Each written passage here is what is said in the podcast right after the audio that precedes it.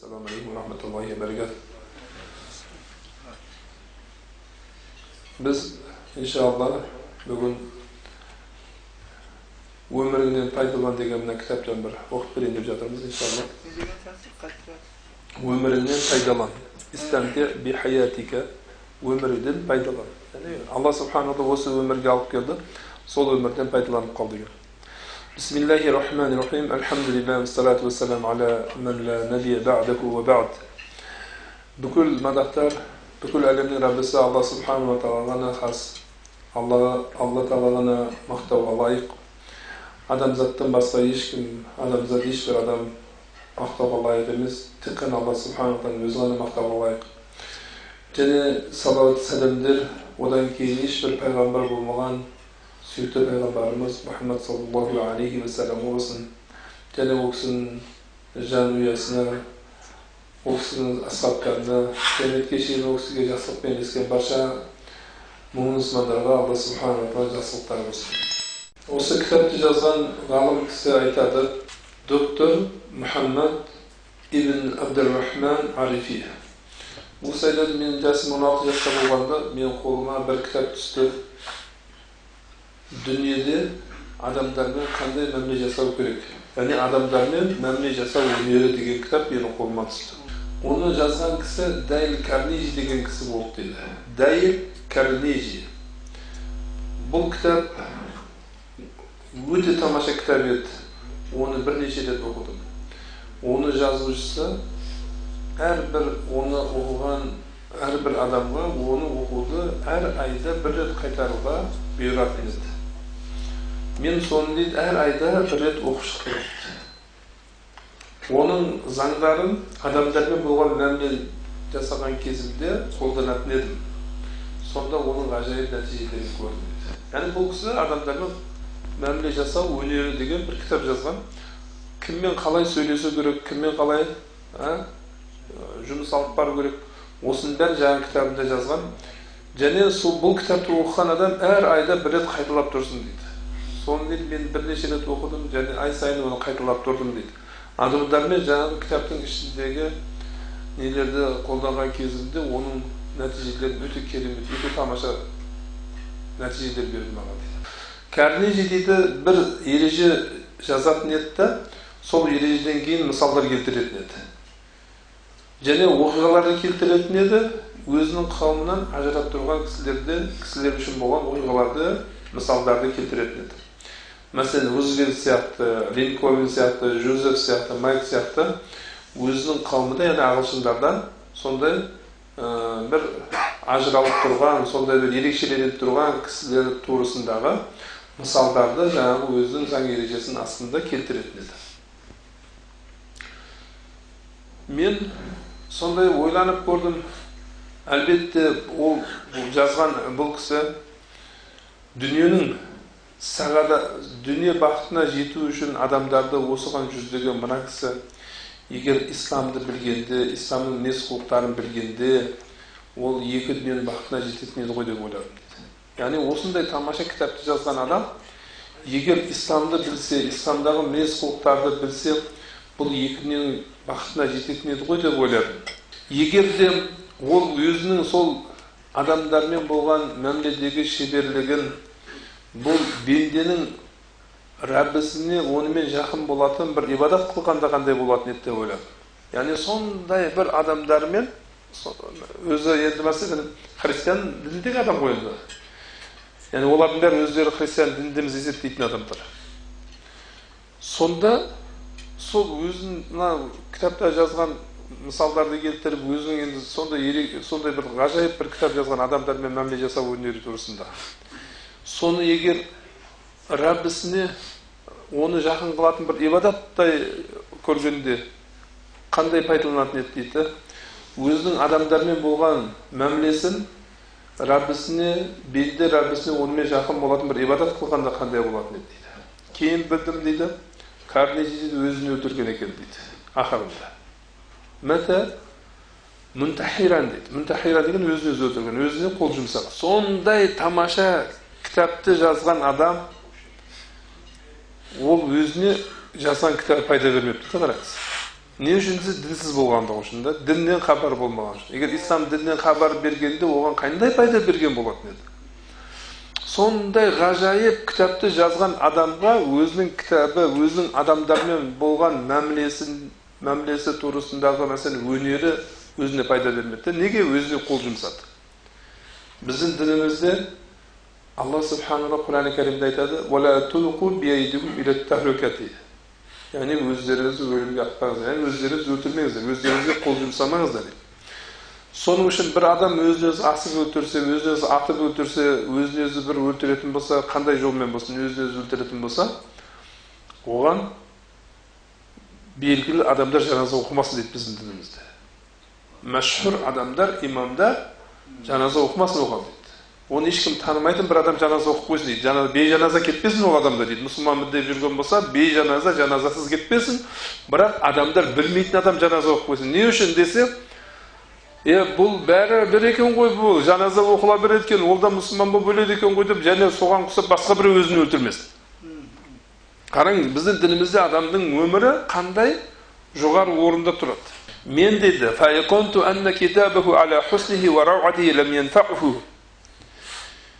бұны анық сендім анық білдім дейді оның кітабы өзінің әдемі өте тамаша болуына қарамастан оған пайда бермегендігін білдім дейді сонда мен өзіміздің тарихымызды зерттей бастадым сонда алла субханала тағаланың елшісі мұхаммад саллаллаху алейхи вассаламның өмірбаянында ол кісінің асхабтарының өмірбаянында және біздің үммәтімізден сондай бір ерекшеленіп тұратын кісілердің өзін ұстауларында бізді басқа әдебиеттерден басқа үлгілерден біздерді қажетсіз қылатын нәрсені таптым дейді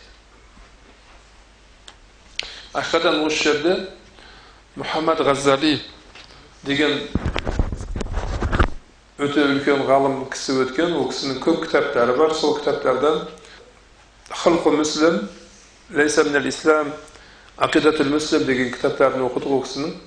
Өте бір тамаша басқа да көп кітаптар жазған 132 кітап жазған ғалым кісі міне сол ғалым кісінің сол жөніндегі кітабының бірінде ол кісі сол хулқу муслим мұсылманның мінез құлқы деген кітабында айтады біздерге дейді батыстың адамдары сендер аристотель және оның ұқсастарынан болған философтардың жазған еңбектерін оқыдыңыз ба деп сұрады дейді мен айттым иә оқыдым бірақ біз сонымен біргелікте мұхаммад ибн абдилла алейхисалату вассалам яғни пайғамбарымыз мұхаммад саллаллаху алейхи уассаламның әдәбі нәпсін оқыдық біз онда ешқандай кемшіліксіз екенін таптық бірақ біз аристотель және оның ұқсастарынан болған философтардың кітаптарын оқыдық олардың кейбіреуі толық кейбіреуі нақыс қалды дейді сіздердің қолдарыңыздағы мына кітап яғни өміріңнен пайдалан деген кітап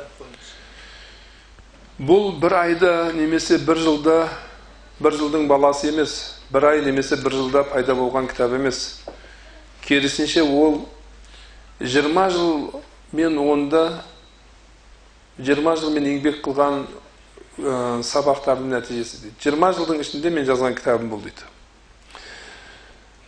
Сонымен бірге әлбетте алла субханала тағала маған сол жиырма жылдың ішінде қазіргі уақытқа шейін көп кітаптарды жазуды алла тағала маған нәсіп етті олардың кейбіреулері екі миллион бас нұсқада басылды дейді екі миллион дана басылып шықты дейді бірақ мен дейді сол кітаптарымның барлығының ішінде маған ең сүйіктісі ең қымбаты жүрегіме осы кітабым дейді пайдасы амал жағынан пайда беруші осы кітабым дейді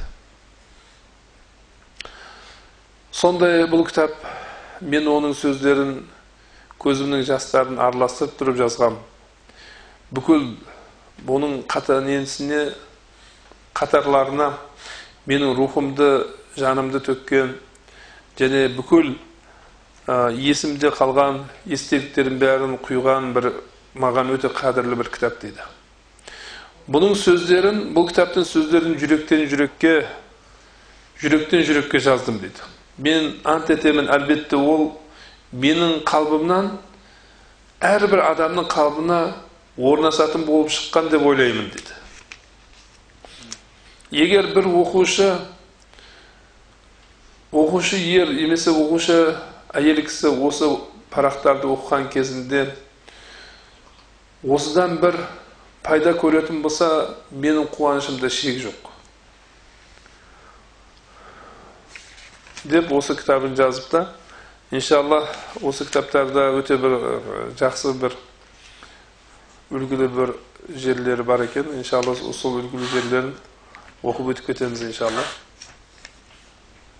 пайғамбарымыз мұхаммад саллаллаху алейхи вассаламның адамдармен бірге болған мәмілесі бұл біздерге ең мәмілелердің ішінде бізге үлгілердің ішіндегі ең жоғарғысы өйткені құран кәрімде алла субханала тағала لقد كان لكم في رسول الله أسوة حسنة لقد كان لكم في رسول الله أسوة حسنة расында алланың елшісінде сіздерге өте бір жақсы үлгі өрнек бар дейді пайғамбарымыз мұхаммад саллаллаху алейхи вассалам өзінің асхабтарымен соншалықты дәрежеде жақсы мәміле жасайтын еді ол кісіні асхабтары пайғамбарымызға осы асхабтардың ішіндегі ең сүйіктісі менмін деп ойлайтын еді әрбір адаммен сондай мәміле жасайтын еді адамзат ең жақсы мәмілені әсіресе өзінің ата анасымен жасау керек. Ата анасы оған ең жақын қадірлі адамдары да ең жақын мәмілені жақсы мәмілені ата анасына жасау керек. Өйткені пайғамбарымыз мұхаммад саллаллаху алейхи уассаламға келіп тұр бір сахаби я расулаллах менің ең көркем сұхбатыма ең ақылы адам кім дегенде анаң деді. Содан кейін кім дегенде анаң деді. Одан кейін кім дегенде анаң деді. Одан кейін кім дегенде әкең деді қараңыз құран кәрімде неше жерде келеді? ата анаңызға жақсылық қылыңыздар لا تقل لهما أف ата анаңызға уф демеңіз ولا تنهرهما ата анаңызға қатты сөйлемеңіз وقل لهما قولا كريما ата анаңызға өте жақсы сөздер сөйлеңіз дейді өте жақсы сөздер сөйлеңіз қараңыздар бірақ сол құран кәрімнің ішінде бір жерінде көрмей сен ұлдарыңа қыздарыңа бір жақсылық істеңдер дегенді неге десе алла субханала тағала әрбір ата ананың жүрегіне жазып қойғанда перзенттеріне жақсылық болды оған ескертудің қажеті жоқ та міне сол пайғамбарымыз мұхаммад саллаллаху алейhi вассалам асхабтарынан амр ас бұл арабтардың арабтардың даналарынан бір данасы еді сондай бір зерек өте бір өткір ақылды адам еді арабтардың ішінде ең ақылды кісілер төрт, төрт адам еді сол недегі ә, меккенің атрафының айналасындағы солардың бірі амр еді амр ас еді әмір исламға келген кезінде ол өзінің қауымының бастығы еді әр қауымның өзінің басшылары бар еді сонда ол пайғамбарымыз мұхаммад саллаллаху алейхи вассаламға жолда жолығатын болса пайғамбарымыз саллаллаху алейхи вассаламның несінен жүзінен сондай бір күлімсіреуді сондай бір жақсы бір ол кісіге болған бір жақсы сезімді достықты көретін еді сонда пайғамбарымыз мұхаммад саллаллаху алейхи егер әмірді шақыратын болса ең көркем аттарымен шақырады еді кімді шақырса пайғамбар ең көркем өзі сол нені атты естісе қуанатын аттармен шақыратын еді осындай жоғары мәмілені әмір сезіп пайғамбарымыздың сол оның жәніндегі бетіндегі табассумын сондай бір күл, күлімсірегенін сондай бір көңіл бөлуін көрген кезінде ол кісі ойлады. Пайғамбарымызға ең сүйікті адам мен шығармын деп ойлады. Сөйтіп пайғамбарымыздың алдына бір күні келіп алдына келіп отырып я расулаллах адамдардың сізге ең сүйіктісі кім? деп сұрады. Сонда пайғамбарымыз қараңыз қандай мәміледен пайғамбарымыздың мәмілесін ол ойлайтын еді да ең сүйікті адам менмін деп. Әрбір адам сөйтіп ойлайтын еді. Иә. Сөйтіп келіп я расулаллах адамдардың ішінде сізге ең сүйіктісі кім деп еді пайғамбарымыз айша деді әмір разиаллаху анху айтты я расулаллах мен сізге әйелдерді айтып жатқан жоқпын мен сіздің семьяңызды сұрап жатқан жоқпын мен сізді кісілерден сұрап жатырмын деді сонда оның атасы деді кейін кім деп еді омар бин хаттаб деді кейін пайғамбар алейхисаламнан сұрай бастады бір кісілерді ол пәленше пәленше деп пайғамбарымыз айта бастады исламға алдын келгеніне қарап және ислам үшін жанын құрбан қылғанына қарап яғни мәселен дүниесін құрбан қылғанына қарап пәленше пәленше деп айта бастады сонда әмір жым тұрып қалды неге мен мүмкін ең ақырында болып қаламын деп қорқып дейді сұрауымды тоқтатып қойдым дейді жаңағыларды басқаларды айта бастады да ол кісіні айтып бірақ сол кісі не деп ойлайтын еді мен ең сүйіктісі деп ойлайтын еді да. Әрбір адам солай ойлайтын еді. Пайғамбарымыздың қалай болғаны мәмілесі да адамдар. Қараңыз пайғамбарымыз мұхаммад саллаллаху алейхи вассалам мінез құлықтарының шеберлігімен әмірдің жүрегін қандай иелеп алды? Бәлкім алейхисалату вассалам әрбір адамды өз орнына қойып мәміле жасайтын. Олар себептен өзінің бүкіл жұмыстарын тастап кететін. Не үшін оларға сол махаббатын және оларға болған жаңағыдегі қадірін ол олардың қадірі қаншалықты екенін оларға сездіру үшін. яғни сахабалардың қадірі бар екендігін сахабаларға сездіру үшін осылай жасайтын еді. Ислам кеңейе бастады.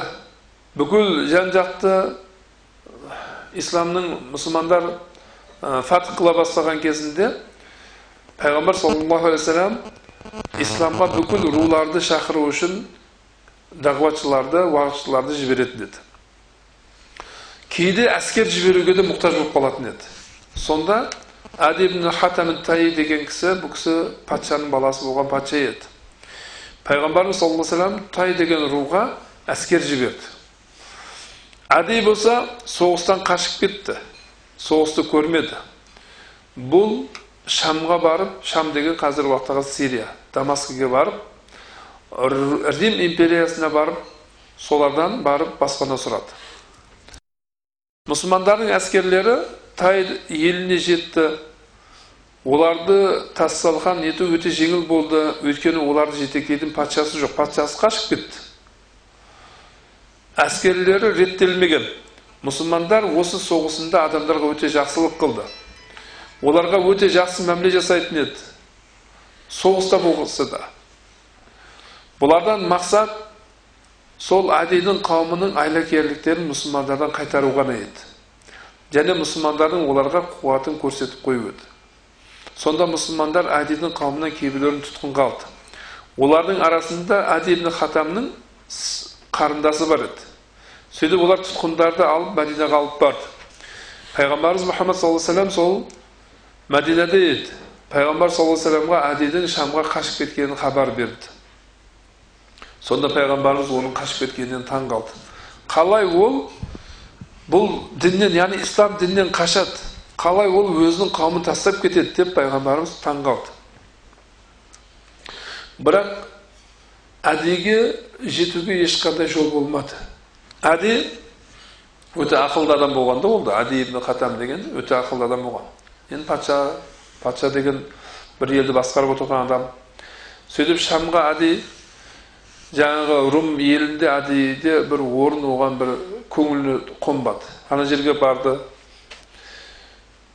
бұл араб еліне қайтуға мәжбүр болды кейін енді деді мен мәдинаға бармасам болмайды ау осы пайғамбарға жолығайыншы онымен келісім түзейін деді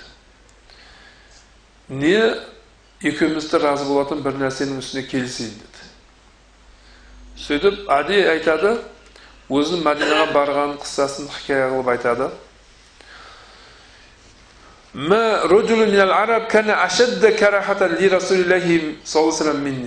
маған арабтардың ішінде пайғамбар саллаллаху алейхи вассаламнан гөрі жек көрінішті адам жоқ еді дейді мен өте жаман көретін дейді мен христиан дінінде едім дейді мен өз қауымымда патша едім дейді мен өзім қауымымда патша едім ол маған жасаған мына тірліктерінен кейін мен өте қатты оны жаман көрдім дейді жек көрмейді өйткені бұл патшалығын алып қойды ғой қауымын бәрін тұтқынға алды пайғамбар саллаллаху алейхи вассалам осыны естіген кезімде ол алланың пайғамбарын естіген кезімде мен оны өте жаман көрді жаман көрдім дейді мен шықтым да тіптен румға келдім дейді қайсардың алдына дейді бірақ қайсардың алдында тұрған кезімде өзімнің орнымды жаман көріп кеттім дейді. Яғни арабтан қашып иә араб енді пайғамбар саллаллаху араб еді ғой. Арабтан қашып бұл румға барды ана жерге барған кезінде өзімнің орнымды жек көріп кеттім дейді. Сөйтіп айттым дейді. Аллаға сет егер мен мына кісіге барсам яғни пайғамбар алейхисаламға барсам егер ол өтірікші болса дейді пайғамбарым деп өтірік айтып жатқан болса маған зиян бермейді. Егер ол шыншыл болатын болса мен оны білемін да мен оның дінін дінін қабылдаймын. Сөйтіп мен мәдинаға келдім дейді. Сөйтіп ол кісінің алдына келдім. Мәдинаға кірген кезімде адамдар айта бастады. Мынау ади ибн хатим ғой мынау ади ибн хатим ғой. Мен жүріп келдім тіптен келдім де пайғамбар саллаллаху алейхи вассаламға мешітте отыр екен мешітке кірдім. Сонда ол кісі маған айтты. Ади ибн хатимсің ба? деді. Мен айттым иә пайғамбарымыз менің келуіммен өте қатты қуанды дейді мені құшақ жайып қарсы алды деді әдей мұсылмандарға қарсы соғысып жүрген адам болуына қарамастан пайғамбарымыз саллаллаху алейхи вассалам оны құшақ жайып қарсы алып оны келуімен қуанды әдей соғыстан қашып кеткен адам еді исламды жек көретін адам еді бұл христиандарға қарап кетіп еді христиандардан баспана сұрап кетіп еді бірақ сонда да пайғамбарымыз оның келуінен қуанып оны құшақ жайып қарсы алды. Оны соған қарамастан пайғамбарымыз сондай бір күлімсіреп бір қуанышпен қарсы алды. Оның қолынан ұстап өзін оны үйіне қарап жетектеп жүр үй жаққа деді әди пайғамбар саллаллаху вассаламның алдында келе жатыр еді. Әди пайғамбарымыз алдында келе жататын еді екі бас бірдей деп ойлайтын еді. Яғни бұл да патша болса мен де патшамын деп. Мұхаммад мына мәдинаның патшасы оның айналасының патшасы ади болса анау тай деген таудың патшасы оның айналасының патшасы деп ойлап келе жатыр мұхаммад та бір аспанның діні исламда болса ади мен де самавидің христиан дініндемін деп ойлап келетін пайғамбарымыз мұхаммад саллаллаху алейхи вассалам яғни мұхаммад саллаллаху алейхи вассалам оның алдында кітап бар түсірілген құран ади менің де алдымда түсірген кітап бар інжіл деп осылай екеуміздің арамызда ешқандай айырма жоқ деп келе жатыр еді екеуі жолда кетіп бара жатқан кезінде үш оқиға болды екеуі келе жатқан кезінде кенеттен бір әйел кісі шығып жолдың ортасында тұрып айқайлай бастады ей алланың елшісі деп сонда пайғамбарымыз жаңағы әйелге қарады менде бір жұмысыңыз бар ма деді иә деп еді пайғамбарымыз саллаллаху алейhi вассалам хатамның қолынан қолын алды да жаңағы әйелге барып оның әйелдің сөздерін тыңдай бастады әдемі хатам айт бұл патшаларды білетін министрлерді білетін уәзірлерді білетін бұл мына көрініске қарап тұрды да пайғамбарымыз мұхаммад саллаллаху вассаламның адамдармен болған мәмілесін салыстырып өзі көрген бастықтар өзі көрген патшалардан патшалардың адамдармен болған мәмілесін көріп есіне алып пайғамбарымыздың мына бір әйелмен болған мәмілесін көріп салыстырып ұзақ ойланып тұрды да айтты уаллахи деді мынау патшалардың мінез құлқы емес деді бұл пайғамбарлардың мінез құлқы деді түсіндіңіздер ғой пайғамбарымыз мұхаммад саллаллаху алейhi келе жатыр жаңағы бір патшаның қолынан ұстап жетектеп алдынан бір әйел шығып қалды да жолдың ортасында тұрып ей алланың елшісі бері қараңызшы деді. Пайғамбарымыз мұхаммад саллаллаху алейhi бұрылып ана патшадан қолын алды да ана әйелге барды. Сөйтті да ана әйел бір өзінің қажеттерін айта бастады ол кісі тыңдап тұрды. Сонда ана кісі қарап тұрып патша ғой патшалардың қандай мәміле жасайтын адамдармен біледі министрлердің уәзірлердің қандай адамдармен мәміле жасауын біледі? Ананы қарап көріп тұрды да жоқ бұл патшалардың мінез құлқы емес деді. Бұл пайғамбарлардың мінез құлқы деді. Әйел кісі өзінің сөздерін айтып болғаннан кейін пайғамбарымыз мұхаммад саллаллаху алейhi вассалам әдейіге қайтып келді. Екеуі және жүріп үй жағына келе жатты. Олар осылай келе жатқан кезінде бір кісі пайғамбар алейхисаламға жүгіріп келе жатты. Ол кісі пайғамбарымызға не деп айтты? Ол кісі пайғамбарымызға айтты ма я расулаллах менің артықша малдарым бар мен оны кембағалды іздеп жатырмын оны беретін деп айтты ма немесе мен бір жерімді орып алдым менің көп жемісім бар кімге берейін деді ма иә ләйтаху қан еді ол солай айтқан болса қан еді ол содан бір сөзді айтқан болса егер онда оны әдейі естісе ол мұсылмандардың бай екендігін малдары көп екендігін сезетін еді бірақ жаңағы кісі не деп айтты я расулаллах ашу мен я расулалла мен саған жоқтығымды кембағалдығымды саған арыз қыламын деп айтты. Жаңағы кісі айтты мен деді сондай тамақ жоқ менде. Мен балдарым аштан аш отыр. Балдарымның аштығын онымен тосатын бір тамақ жоқ менде деп солай айтты. Мұсылмандар оның атрафындағы мұсылмандар айналасында мұсылмандар өздері зорға жетерлікте өмір сүріп жатыр. Оларға олардың жаңағы кембағалға олардың көмектесетін ештеңесі жоқ. Осы сөздерді жаңағы кісі айтты әдейі оны тыңдап тұрды. Сонда пайғамбар саллаллаху алейхи бірнеше сөздерді оған жауап берді ары жүріп кетті. Екеуі біраз қадамдар жүрген кезінде және басқа бір кісі жүгіріп келді. Я расулаллах мен сізге арызданамын деді анау деді жолда қарақшылар біздерді ұстап жатыр деді мен соны сіздерге арыз қыламын деді пайғамбар саллаллаху алейхи уассалам яғни әлбетте біз я расулаллах біздің дұшпандарымыз көп айналамызда біз мәдинаның үйлерінен шығуға ешқандай үйлерінен шыға, шыға алмаймыз деді не үшін деді бізге деді қарсы болатын кәпірлер және ұрылар көптігінен деді ұрылар көп кәпірлер көп біздің жолымызды тосады біз мединенің үйлерінен шыға алмай қалдық деді сонда пайғамбар алейхисалам оған да бірнәрсе сөздермен жауап берді жүріп кетті сонда әди ішінде жаңағы ненің бәрін ойлай бастады да ол деді өзінің қауымында мен деді әзиз болсам ұлы болсам деді мені деді бір күзетіп тұрған дұшпандарым жоқ болса деді мен не үшін деді мынаның дініне кіремін деді оның деді адамдары әлсіз болса деді бейшара болса деді кембағал болса деді қажетті болса деді мединеден ары шығуға қорқып жүрсе деді мен қанша мына бір жаңағыдегі әлсіз бір нашар бір адамдардың дініне кіремін деді сөйтіп ойлап кетіп жатыр да ол кісі сонда пайғамбар саллаллаху алейhi үйіне жетті екеуі екеуі үйге кірді сонда пайғамбарымыз бір жастықты алып келді да оны пайғамбар саллаллаху алейhi оны әдейіге берді оны құрметтеп мынаны алып оның, оның үстіне отыр деді. Яғни жастық деген көрпе сияқты жастық та енді. Сөйтіп оның үстіне отыр деді. Әди оған қайтарды сіз өзіңіз отырыңыз деді. Сонда пайғамбар саллаллаху алейhi жоқ сен отырасың деді. Кейін әди жаңаның үстіне отырды. Пайғамбар саллаллаху алейhi осы уақытта әди мен исламның арасында тосып тұрған тосықтарды пайғамбарымыз жоғалта бастады.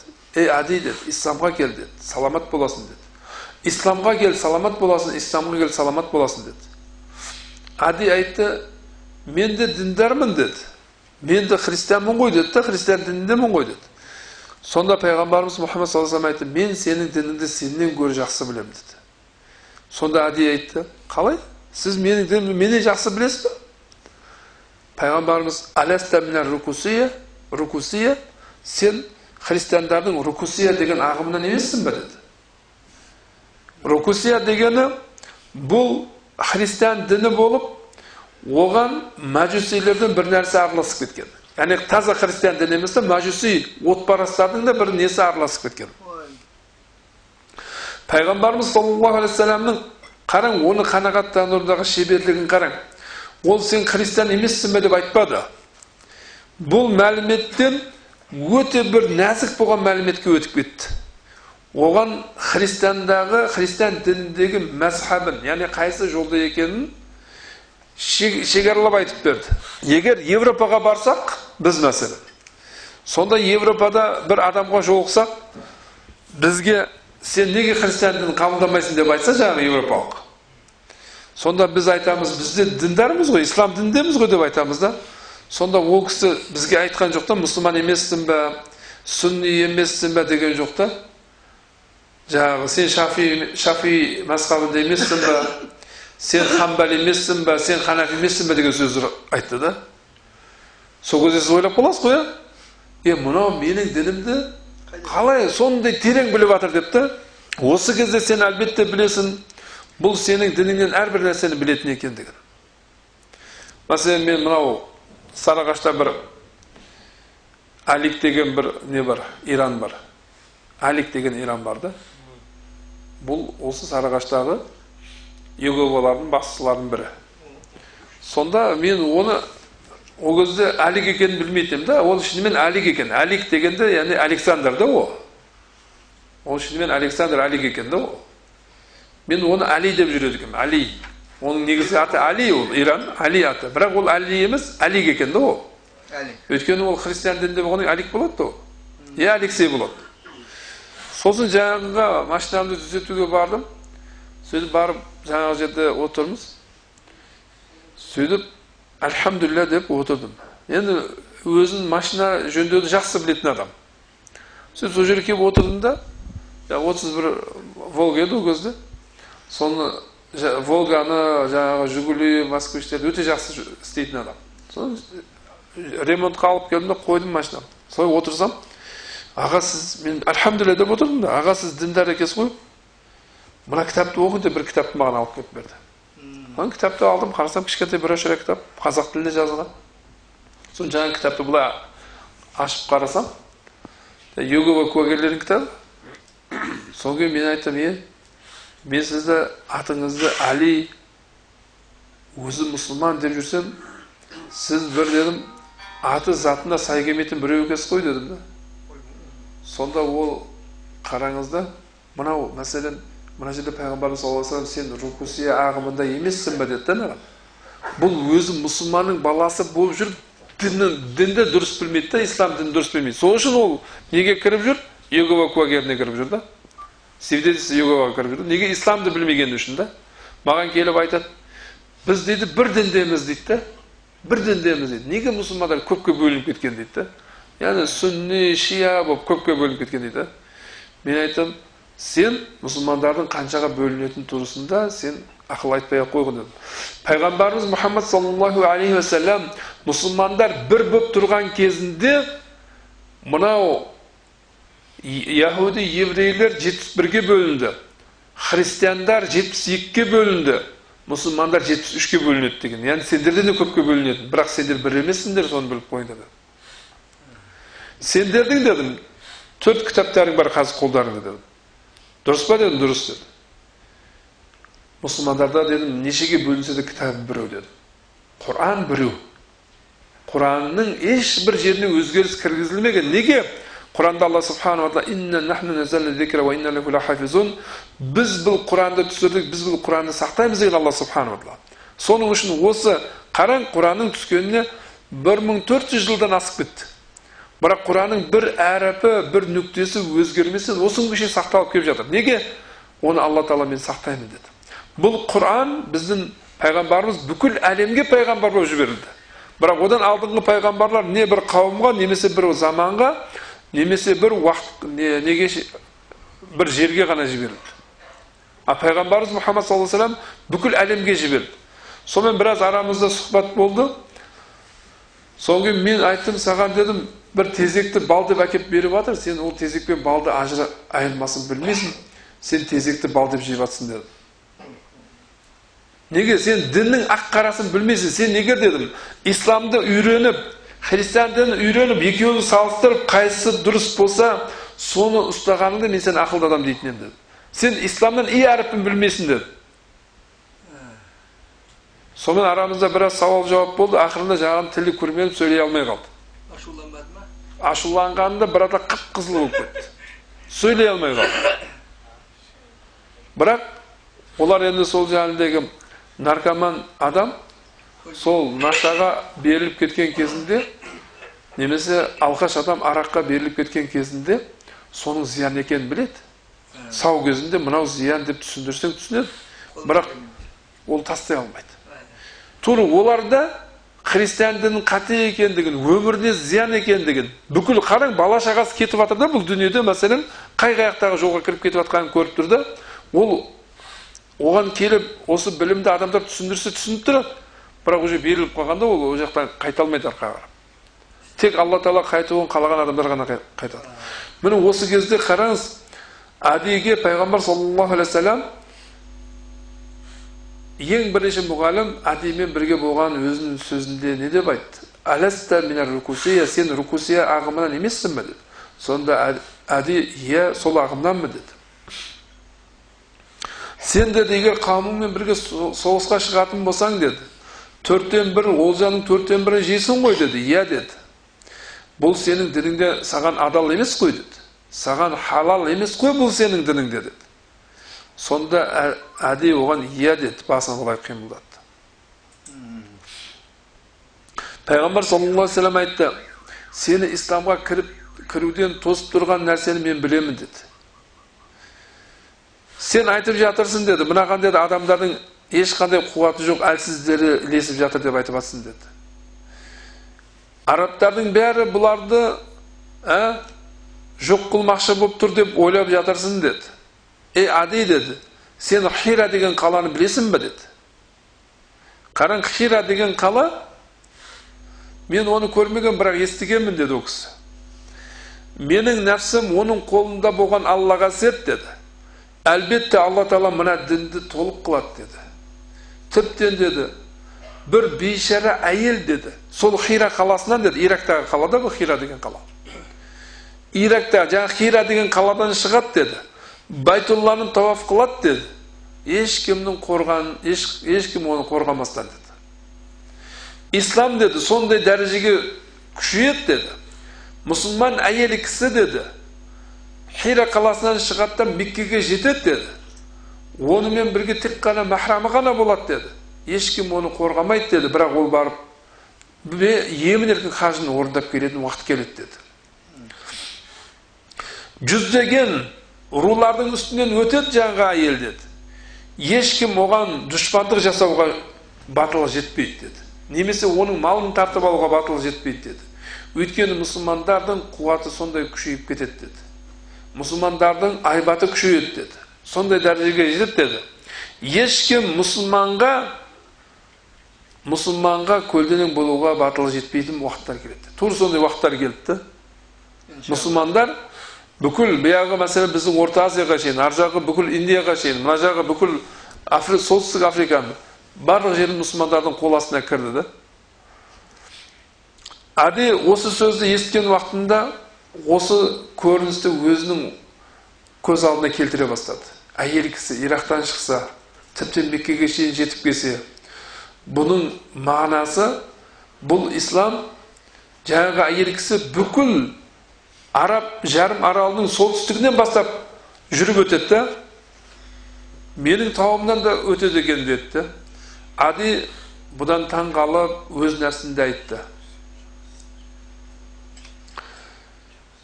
Сонда пайғамбар алейхисалам айтты кисро хармуздың баласы кисроның да байлықтарын біздің мұсылмандардың қолына кіреді деді сонда ол кісі кунузу ибн хармуз хармуздың баласы кисроның байлықтары ма деді сонда пайғамбарымыз иә деді хармуздың баласы кисроның да деді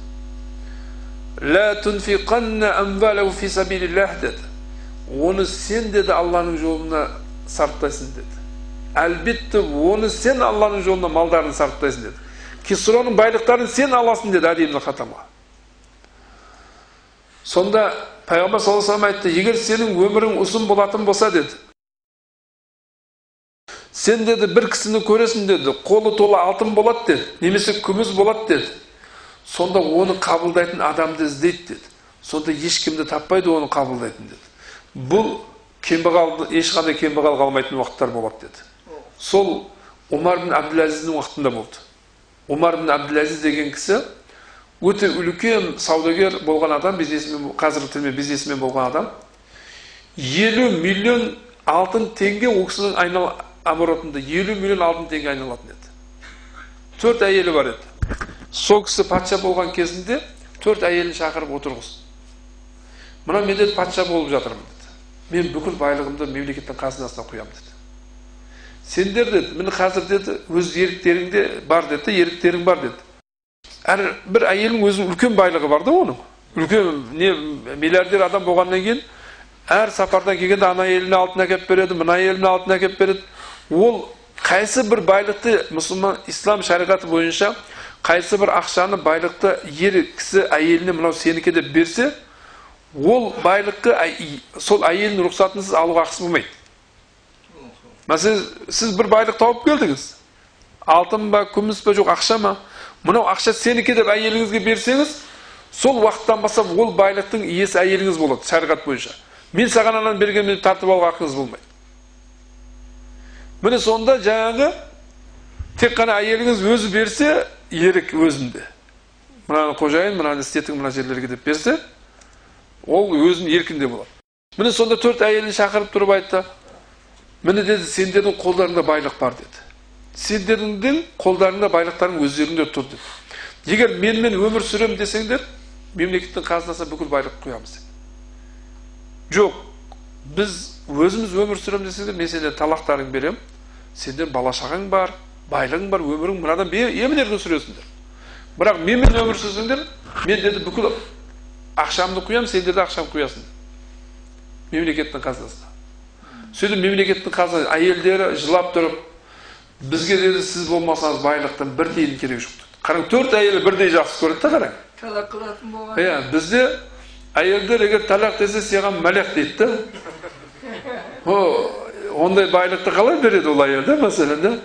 Сен жынды болып қалсын дейді да мемлекетке қалай құямын мен дейді да? Сен кете бер өзің дейді да? Қара басың қалды кете бер. Жоқ олар айтады жоқ бізге өмір керегі жоқ дейді да? Сіз болмасаңыз бізге өмір керегі жоқ бүкіл байлығын неге құяды қазынаға құяды сонда бір жылдан кейін бүкіл елде адамдар бай болады да көшеге шығып ақшасын зекетін берейін десе адам жоғалады міне пайғамбарымыздың айтқан сөзі сол кезде екен сонда малдың көптігінен бай шығады да садақасын айланып жүреді кембағал таппайды оны берейін десе дейді ади ахира кейін адиді үгіт насихат қыла бастады пайғамбарымыз оған ақиретті есіне түсіретін еді сонда пайғамбарымыз саллаллаху алейхи вассалам айтатын еді сендердің бірің ол күнде аллаға жолығасыңдар әлбетте онымен алланың арасында ешқандай сөзді аударушы болмайды сонда ол оң жағына қарай тек қана дозақты көреді ол сол жағына қарай тек қана дозақты көреді. Сонда әдей аяғызғандай ойланып пікірлеп жым тұрды. Сонда ол кенеттен оған айтты әдей деді. Сені лә иляха иллаллах деп айтуына не нәрсе сені қашырып жатыр? деді.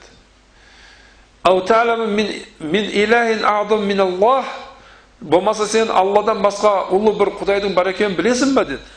Сонда әдей айтты фаинни ханифун муслимун деді. Мен таза мұсылманмын. Ашхаду ан ла иляха иллаллах мен куәлік беремін ешбір тәңір жоқ тек қана алла тағала бар ешбір сыйынуға лайық мағбұд жоқ тек қана алла тағала ғана сыйынуға лайық деп куәлік беремін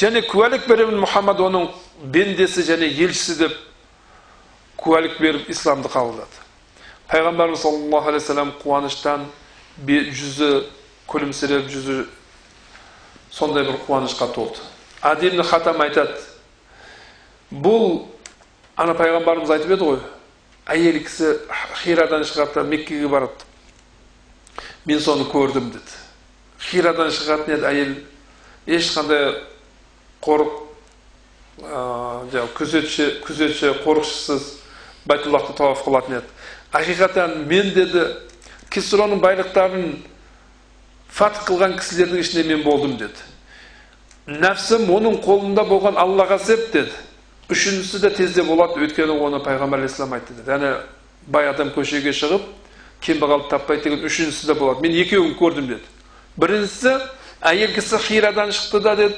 байтуллахқа барып оны тауаф қылды оны ешқандай ә, қорғайтын ешкім болған жоқ өзі жалғыз өзі бар дейді тек алдында не баласы не күйеуі бар олардың қолында ешқандай құрал жоқ сондай хирадан ирактан шығып меккеге барып меккені тауаф қылып қажылық амалдарын істеп емін еркін қайтадан еліне қайтқанын мен көрдім деді.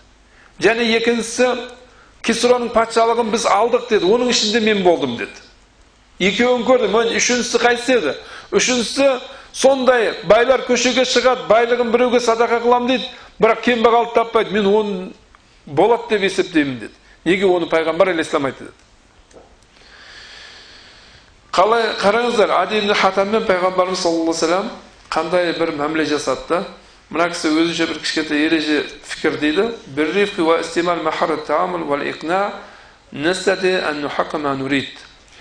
жұмсақтықпенен және мәміледегі шеберлікті қолдануменен қанағаттандыруменен біз өзіміз қалаған нәрсені жүзеге асыруға жетеміз алла субханала қараңыздар пайғамбарымыз мұхаммад саллаллаху алейхи уассалам соншалықты дәрежеде ә, мәміледе сондай шебер болды сахабалардың әрқайсысы ол кісіні не деп ойлайтын еді мен бұған ең жақын адаммын мен бұған ең сүйікті адаммын деп ойлайтын еді соның үшін біздердегі мұсылмандарда қазіргі күнде жетіспей жатқан нәрсе осы ақлақ мінез құлық мәселен мінез құлықты біздер ең біріншісі әлбетте ата анамызға жақсылық жасауымыз керек сосын әйелдерімізге аға іні апа қарындастарымызға тіптен өзіміздің балдарымызға жақсы мәміледе болуымыз керек. Өйткені пайғамбарымыз мұхаммад саллаллаху қиярым линисайкум деген хадистер бар. Сендердің жақсыларың әйелдеріңе жақсы мінез құлықпен мәміле қылушыларың деген. Және сендердің жақсыларың мінез құлықтарың жақсыларың деген. Сосын мінез құлықтарымызды түзетуіміз керек. Мына бес уақыт намазымызды жақсылап оқуымыз керек. Мұсылман адам дегенде пайғамбарымыз мұхаммад саллаллаху вассалам уақытында сахабалар исламға келген кезде сондай өзгерді сонда солардың мінез құлқын бұл дінге кіріп өзгергенін көрген кезде қанша ата анасы исламды қабылдады сол үшін біздердің де мінез құлқымыз мынау діндар болғанымыздан кейін өзгергенін көріп қанша қанша адамдар исламды қабылдау керек исламды қабылдау дегенде бізде қазақ халқының бәрін мұсылман деп айта алмаймыз қазіргі күнде неге десе қазіргі күнде көріп жатсыздар біреулері иегова куәгеріне кіріп кетіп жатыр біреулері жаңағыдегі буддисттер буддисттерге кіріп кетіп әртүрлі неше түрлі діндерге кіріп кетіп жатыр енді егер біздердің мұсылман болған біздердің бес уақыт намаз оқыған біздердің мәмілелерімізді көріп олар қайтадан исламға қайтуы керек та мұсылмандар осындай болады екен мынау алматыда бір орыс екі аға іні жігіт исламды қабылдайды сонда соның анасы бір үш әйелмен өзінің серіктерімен бір россияға ойнап келуге барады. Енді россияда туысқандары бар басқалар бар. Сол россияға барып келе жатса жолда жаңағы үш серігі мұсылмандарды исламды жамандай береді. Мұсылмандарды исламды жамандай береді. Ол исламский экстремизм исламский терроризм исламский экстремизм деген сөз бұзақылық деген да. Дін бұзақылықтан басқа нәрсе да бұл.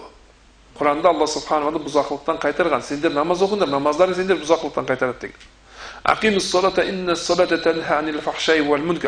намазды тұрғызыңдар осы тұрғызған намаз сіздерді бұзақылықтардан харам істерден тыяды деген намазды бес уақыт намазды толық оқыңдар сендер сол толық оқыған бес уақыт намаз бұзақылықтардан харам істерден тыяды деген қалай ол бұзақылық бұл ислам дінінде болады қалай экстремизм деген бұзақылық бұл ислам дінінде болады. Немесе терроризм деген бұзақылық бұл ислам дінінде болады.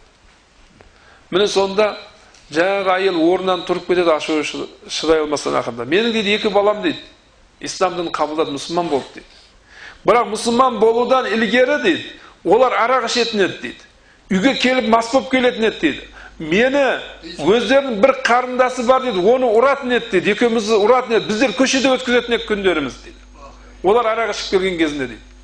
Бірақ олар исламды қабылдаған кезінде мен оларға ана қызым оларға қарындас болды дейді. Олар исламды қабылдаған кезде олардың мінез құлқы сондай өзгерді. Мен оларға анаға айналдым қызым қарындасқа айналды дейді. Құран кәрімде алла субханала біз жаңа кезде ата анаңызға жақсылық қылыңыздар уф жақсы сөз сөйлеңіздер деген аят кәріманы оқып өттік. Одан басқа аят кәрімада алла субханала тағала мархамет етіп айтады дейді дүниелік істерде оларға жақсылық жасаңыздар дейді ол кімдер келсе мүшрік ата аналарға мүшрік ата аналарға қараң мен мұсылманмын деп жүрген ата аналарға емес мүшрік ата аналарға дүниелік істерде жақсылық қылыңыздар дейді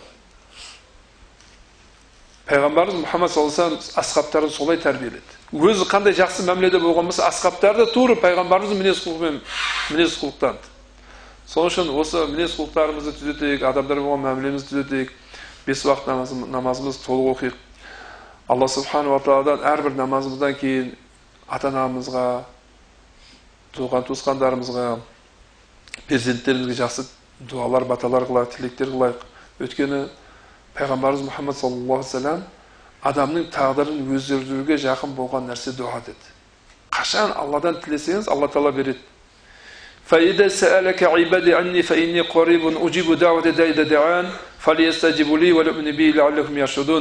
егер бенделерім сенен менің турымда сұраса дейді алла субханала әлбетте мен оларға жақынмын дейді қашан қайсы адам дуа қылса мен оның дуасын қабыл етемін дейді бірақ олар да менің бұйрықтарымды орындасын дейді. Мен неден қайтарған болсам одан тыйылсын дейді. Олар да мен нені бұйырған болсам оны орындасын және маған иман келтірсін олар сонда тура жол табады деді әрине сонда олар тура жол табады дейді. Пайғамбарымыз мұхаммад саллаллаху алейхи уассалам осы мүбәрак аяты кәриманы өз хадис шәріптерімен шарықтап біздерге мархамет етіп айтады.